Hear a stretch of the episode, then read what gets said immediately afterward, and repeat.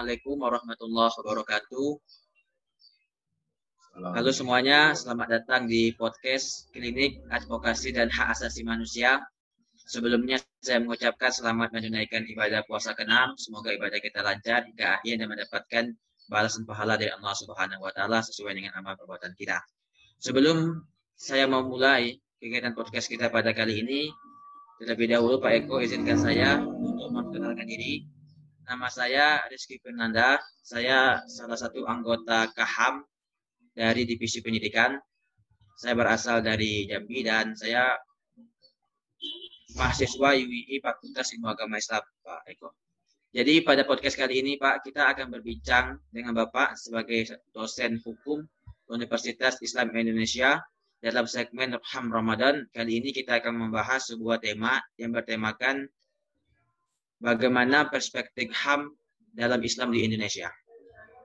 Baik Pak Eko, langsung saja kita ingin memulai waktu, ingin memulai podcast karena waktu yang terbatas kita akan berbincang-bincang pada HAM Ramadan episode kali ini. Tapi ada lebih baiknya lebih dahulu atau lebih abdul lebih dahulu kami mempersilakan kepada Pak Eko Riyadi untuk memperkenalkan diri agar kami bisa lebih akrab atau lebih suasana ke suasana kekeluargaan dalam podcast kita pada kali ini. Silakan Pak Eko terlebih dahulu untuk memperkenalkan diri. Terima kasih. Assalamualaikum warahmatullahi wabarakatuh. Waalaikumsalam warahmatullahi Puji syukur kehadirat Allah Subhanahu wa taala bagi hari ini. Hari ini kita bisa bertemu. Um, saya Eko Riyadi. Saya sehari-hari mengajar di Fakultas Hukum Universitas Islam Indonesia. Saya juga Direktur Pusat Studi Hak Indonesia Universitas Islam Indonesia. Um, S1 dan S2 saya tempuh di Fakultas UI. Saya asli dari Boyolali. Saat ini saya tinggal di Kalasan, Yogyakarta. Baik, Terima kasih. Pak Eko Riyadi ya, sama-sama. Terima kasih atas perkenalan singkatnya yang menambahkan kami wawasan dan insya Allah bisa membuat kami lebih lebih dekat dalam podcast kita pada kesempatan kali ini. Baik Pak Eko, tanpa memperpanjang waktu, langsung saja kita memasuki inti atau subjek pembahasan kita pada sore hari ini. Langsung saja Pak Eko, saya ingin bertanya, menurut Bapak bagaimana sih Islam itu memandang hak asasi manusia di Indonesia khususnya di tengah abad modern saat sekarang ini. Terima kasih Rizky. Sebelum ke konteks Indonesia, saya ingin menyampaikan dahulu bahwa dalam perspektif yang lebih longgar, sesungguhnya Islam jauh lebih dahulu memperkenalkan ide hak asasi manusia sebelum dunia internasional mengenal ide hak asasi manusia. Ide soal memuliakan umat manusia itu sudah ada sejak zaman awal kenabian Nabi Muhammad SAW. Ada beberapa hal yang mungkin perlu kita lacak dari perspektif historis. Misalnya, ketika Nabi Muhammad pertama kali hijrah ke Madinah, yang dilakukan oleh Nabi waktu itu adalah memastikan suku-suku bangsa dan agama yang ada di Madinah saling bersatu. Maka kemudian mereka punya satu dokumen yang sangat istimewa yang kemudian kita kenal dengan Piagam Madinah hari ini. Kalau Anda membaca Piagam Madinah, substansinya adalah hak asasi manusia. Nabi Muhammad waktu itu membuat perjanjian yang pasal pertama dalam Piagam Madinah itu bunyinya adalah innahum ummatan wahidah sesungguhnya kita semua, sesungguhnya Anda semua di Madinah waktu itu adalah umat yang satu. Kita semua tahu, semua orang yang tinggal di Madinah waktu itu terdiri dari berbagai suku. Ada suku Khazraj, ada suku Aus, ada macam-macamnya di Madinah waktu itu.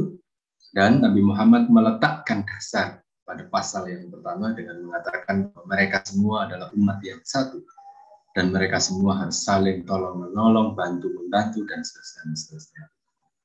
Pasal lain misalnya dalam piagam Madinah itu disebutkan kalau ada orang yang menyerang orang Yahudi, maka mereka juga menyerang Islam. Kalau ada orang menyerang orang Nasrani, mereka juga menyerang Islam.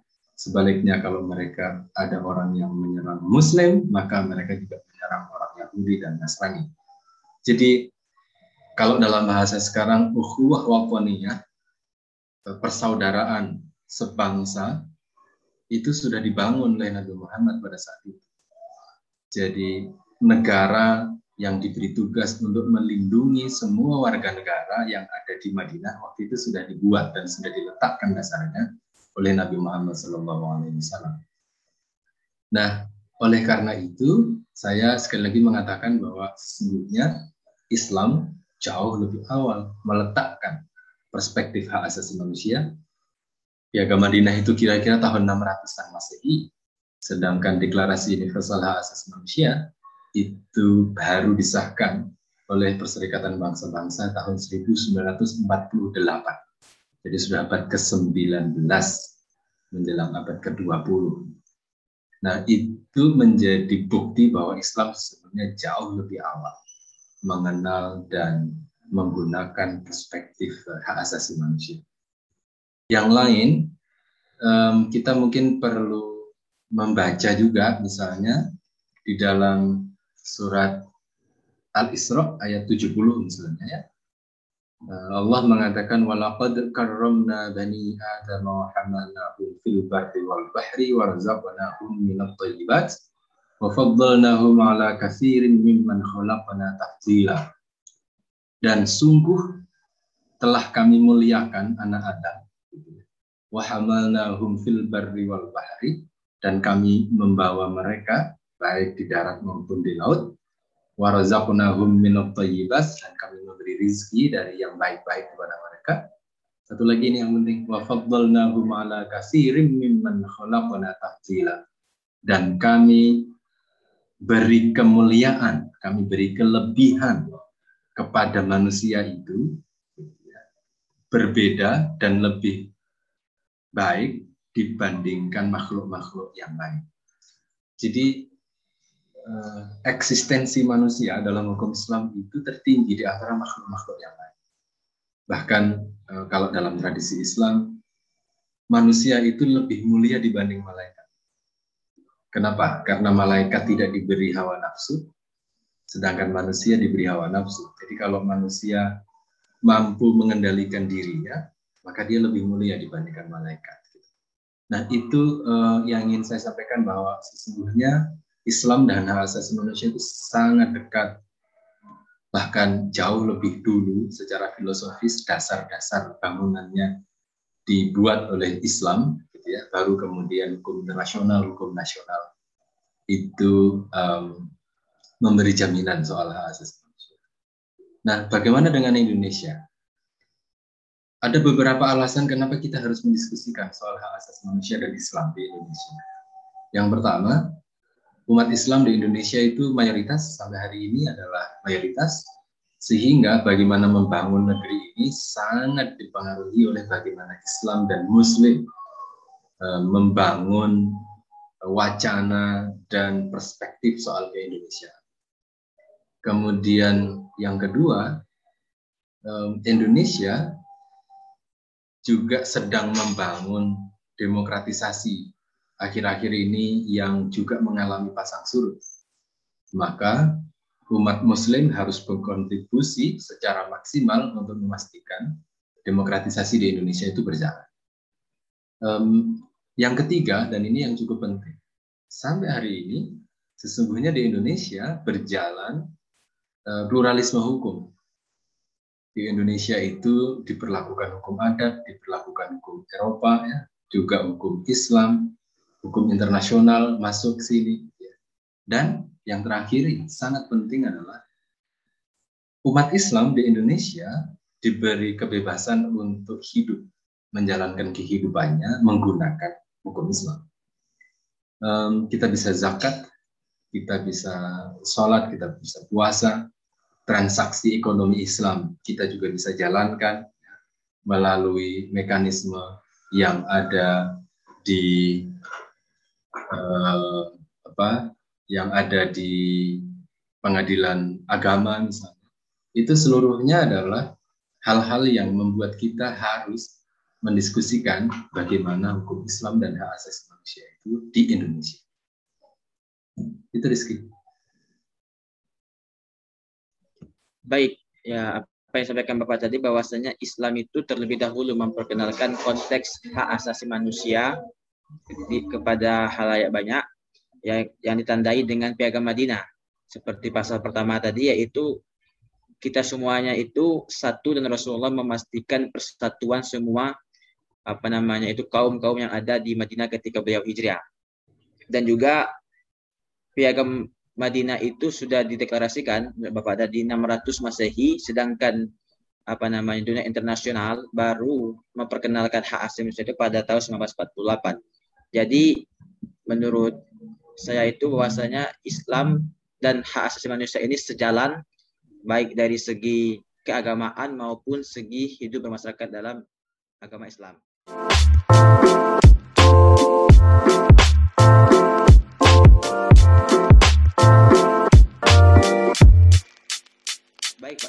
Tapi ketika kita melihat realita, itu banyak masyarakat yang beranggapan atau memiliki argumentasi bahwasanya HAM dalam Islam itu berbeda dengan HAM konstitusi atau HAM tatanan global. Nah, itu menurut Bapak bagaimana? Hak asasi manusia sebagai rezim hukum uh, positif adalah produk antroposentris, produk pemikiran manusia.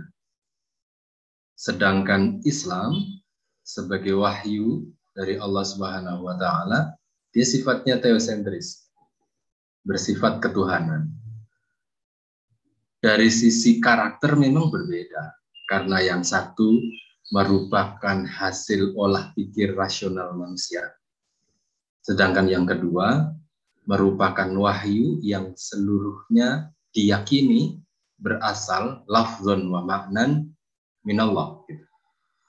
Itu yang menyebabkan memang ada yang menganggapnya berbeda dari perspektif hukum positif, karena hukum hak asasi manusia adalah kesepakatan internasional, dia memiliki karakter untuk mencoba mengakomodir seluruh sistem filsafat, seluruh nilai agama yang ada di seluruh dunia. Maka um, dari sisi formulasi atau legislasi hukum HAM, memang ada beberapa hal yang mungkin agak berbeda dengan hukum Islam, tetapi dengan pendekatan yang lebih luas, dengan model penafsiran yang lebih memadai, sesungguhnya kalau dari sisi filsafat antara hukum Islam dan hukum hak asasi manusia itu sangat dekat, gitu.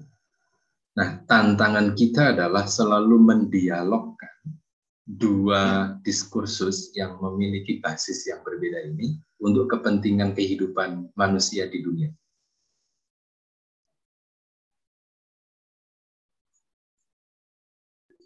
Baik, Bapak. Seperti yang Bapak sampaikan tadi, sebenarnya ini hanya perbedaan karakter saja karena yang satu hasil olahan pikir manusia, sedangkan yang pertama yang yang, yang, selanjutnya itu bersumber dari wahyu. Baik, Pak.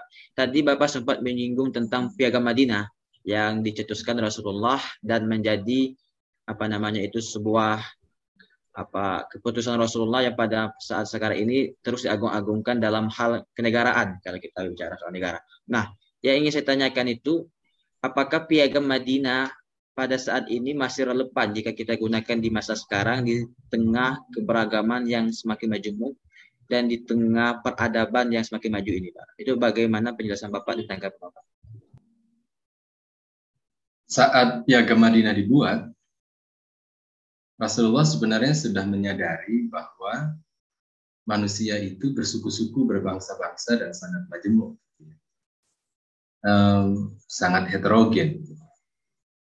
Jadi, kalau kita mau melihat dokumen Piagam Madinah juga sejarah pembentukannya, maka Indonesia harusnya merasa bersyukur karena Islam sudah memberikan pelajaran yang penting soal itu. Yang jadi soal hari ini adalah um, Piagam Madinah tidak lagi didiskusikan secara memadai, Dan kemudian umat Islam di Indonesia lebih banyak berfokus pada Islamnya saja, tetapi kurang memberi porsi pada perlindungan kepada mereka yang berbangsa lain, beragama lain, bersuku lain.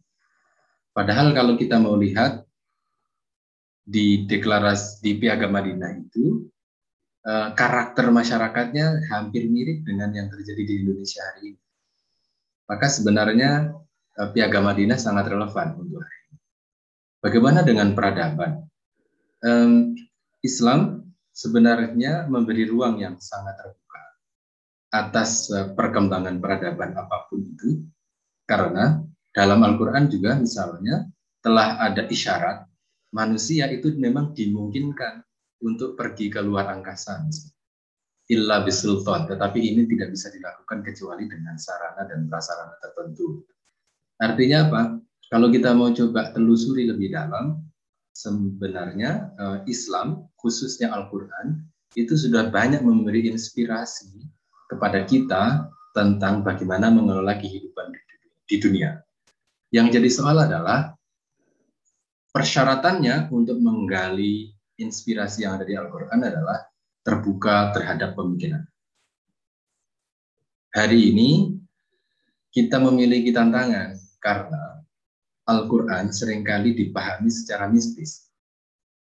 Al-Quran diletakkan sebagai ayat suci yang memiliki keagungan dan dihafal dan dirafal dirapal menjadi doa tetapi sangat jarang ada sekelompok orang yang secara serius menggali inspirasi di dalam Al-Quran itu untuk menjawab problem-problem kemanusiaan hari ini.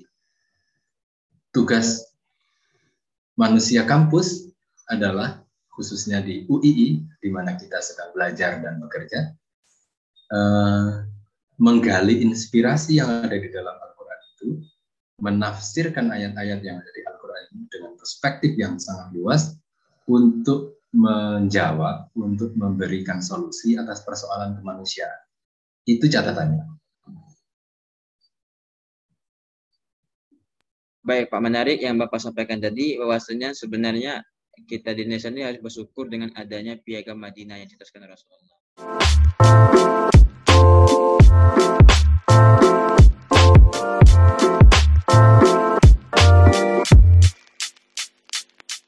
Jadi yang ingin saya coba tanggapi, apakah piagam Madinah yang dicetuskan Rasulullah itu kalau kita Indonesia kan itu selaras dengan Pancasila dan kalau selaras berarti banyak kesamaan tetapi pada akhir-akhir ini banyak kita lihat segelintir orang segelintir orang yang memperbanding-bandingkan atau menguji kebaikan mana yang lebih layak antara Pancasila dengan Piagam Madinah. Itu bagaimana Bapak melihat persoalan itu dan bagaimana Bapak menanggapinya di saat sekarang?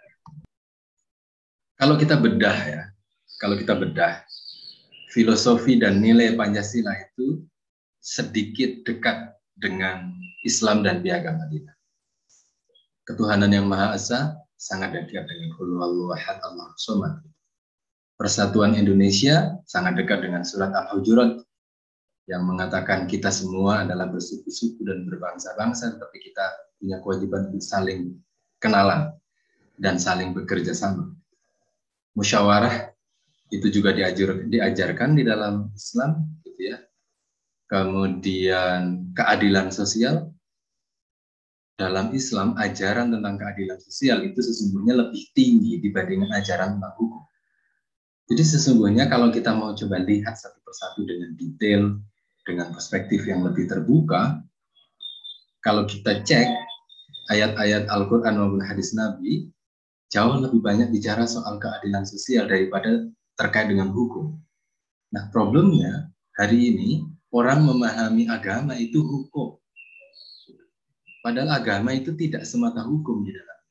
Di dalam agama ada ajaran soal akhlak, ajaran soal moralitas, ajaran soal teknologi, ajaran soal solidaritas sosial, ajaran, soal kewajiban sosial dan seterusnya dan seterusnya. Hukum sebenarnya bagian kecil dari ajaran agama. Nah sayangnya hari ini para mubalik ya, para ustadz lebih banyak memfokuskan dirinya ya, pada ajaran tentang hukum. Hukum memang akan menjebak kita di dalam perdebatan halal haram, sah atau batal, kafir atau Islam gitu. Nah, tapi kalau kita coba lebarkan perspektif tentang Islam itu, misalnya ya, misalnya ya, Anda bisa cek di dalam kitab Irsyadul Ibad soal hak-hak tetangga. Jelas sekali eh, Nabi mengatakan bahwa apabila ada seseorang yang perutnya kenyang, sedangkan tetangganya perutnya lapar, wahwa finnar, dia masuk neraka.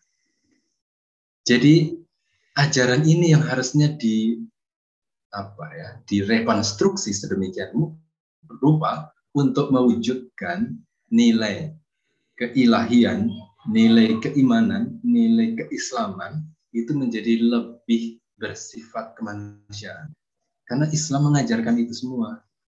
Nah, sayangnya memang kita memiliki tantangan untuk mencoba memberi perspektif bahwa Islam tidak hanya berhubungan dengan manusia dan Tuhan.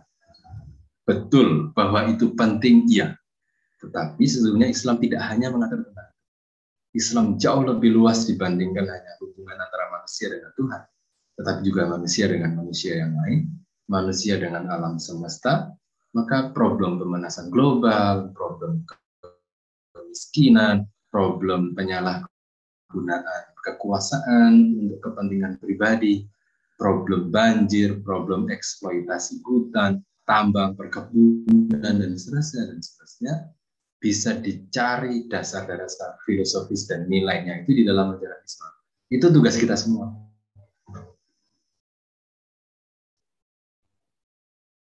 Baik, sangat banyak poin yang dapat kita dapatkan atau saya dapatkan dari penjelasan Bapak tadi. Salah satunya bahwasanya yang banyak banyak terjadi itu kita terlalu fokus terhadap hukum sehingga perdebatan itu silih berganti jadi tidak ada selesainya. Baik.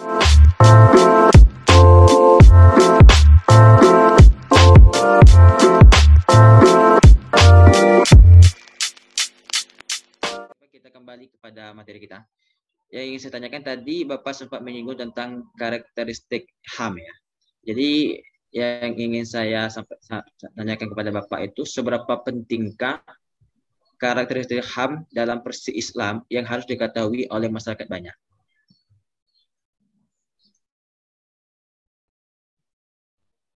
di sebagian besar umat Islam, mereka membutuhkan legitimasi ajaran agama terhadap nilai-nilai tertentu. Kita mau membantu tetangga yang kesulitan, itu lebih terdorong jika upaya itu dilakukan atas perspektif ajaran agama.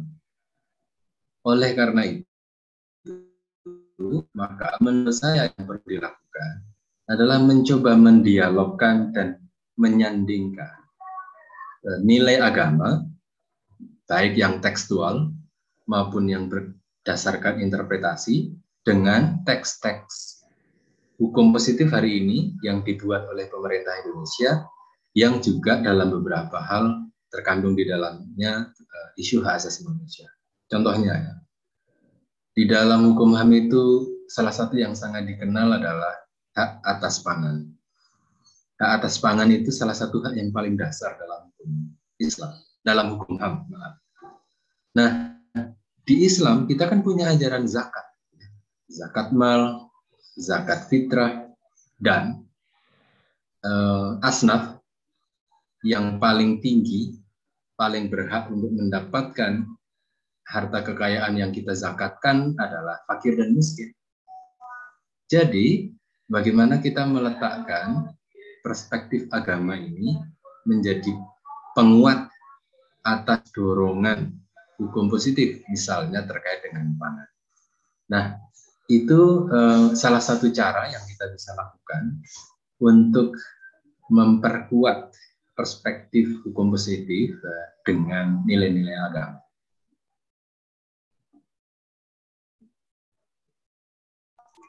Baik, poin yang kami dapatkan itu adalah mendialogkan dan menyandingkan secara tekstual antara apa hukum di hak asasi manusia dan dalam perspektif Islam. Seperti tadi hak atas pangan dalam HAM itu selaras dengan tentang zakat fitrah atau lagi terhadap delapan asnaf yang wajib menerima yang paling tertinggi yaitu apa namanya tidak fakir dan miskin. Baik.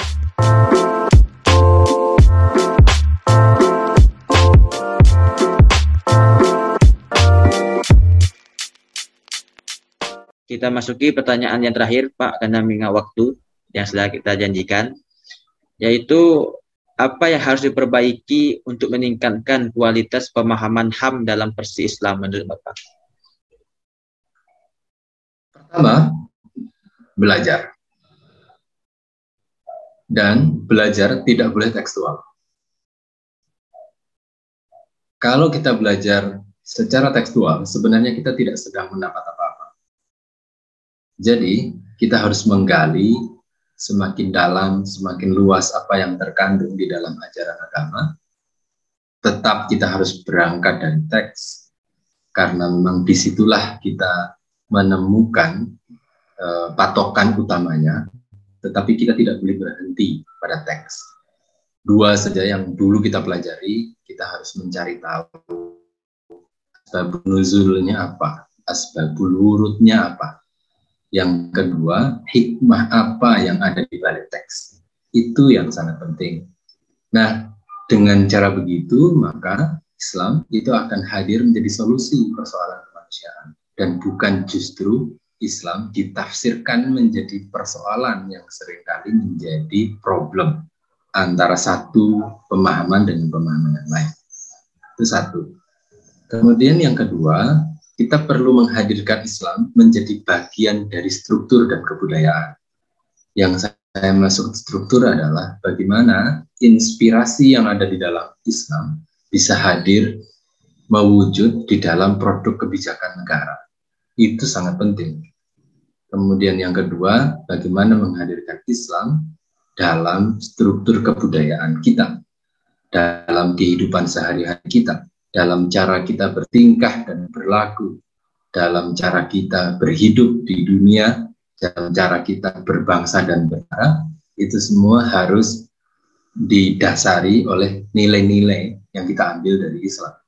Itu yang menurut saya menjadi PR buat kita agar Islam itu kontekstual. Islam kontekstual menjawab dan berkontribusi atas persoalan-persoalan yang dihadapi oleh umat manusia hari ini. Dengan begitu, maka orang akan mendapati Islam itu sangat dekat dengan kita. Islam bukan hal yang jauh dari kita, tetapi Islam sesungguhnya hadir dalam kehidupan day to day kita dalam segala persoalan yang kita hadapi di dunia. Dengan begitu, semoga dalam konteks puasa, puasa salah satu makna yang paling penting adalah agar kita merasakan apa yang dirasakan oleh orang yang tidak berguna. Nah, dengan begitu, kita nanti akan memiliki perasaan yang asih, perasaan yang penuh sayang, perasaan yang penuh hormat atas kemanusiaan, sehingga orang-orang yang ada di sekitar kita akan merasa aman karena kita hadir untuk membantu mereka. Dengan begitu puasa tidak hanya mendapatkan lapar dan dahaga, tetapi puasa memberi makna kepada kehidupan sesama dan juga merupakan ibadah kepada Allah Subhanahu wa taala. Demikian senang sekali saya bisa hadir dalam edisi diskusi kali ini. Saya doakan Anda semoga sehat semua dan mampu menuntaskan ibadah puasa di dalam bulan Ramadan ini dan semoga kita dapat bertemu di lain kesempatan. Terima kasih. Assalamualaikum warahmatullahi wabarakatuh. Waalaikumsalam warahmatullahi wabarakatuh. Baik, Pak Eko Riyadi, terima kasih atas pemaparan materi Bapak pada kesempatan sore hari ini. Tetapi sebelum kita mengakhiri dan sebelum saya menyampaikan notulen, saya minta kesediaan Bapak untuk menyampaikan closing statement atau pesan-pesan lah sedikit mengenai HAM dalam pandangan Islam ini.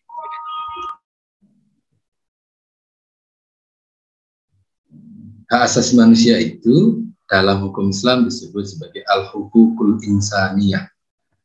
Yang kalau diterjemahkan dalam bahasa Indonesia secara letterlek adalah hak-hak insani, hak-hak yang bersifat kemanusiaan.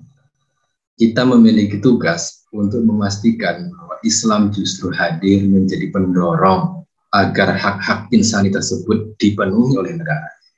Tugas kita adalah memastikan agar negara tidak lalai dan tidak sengaja untuk mencerabut hak-hak insani yang punya yang kita miliki, tetapi justru Islam mendorong agar negara bertanggung jawab atas pemenuhan hak-hak insani yang kita punya. Dengan begitu, maka Islam akan hadir di tengah-tengah kehidupan kita semua. Terima kasih.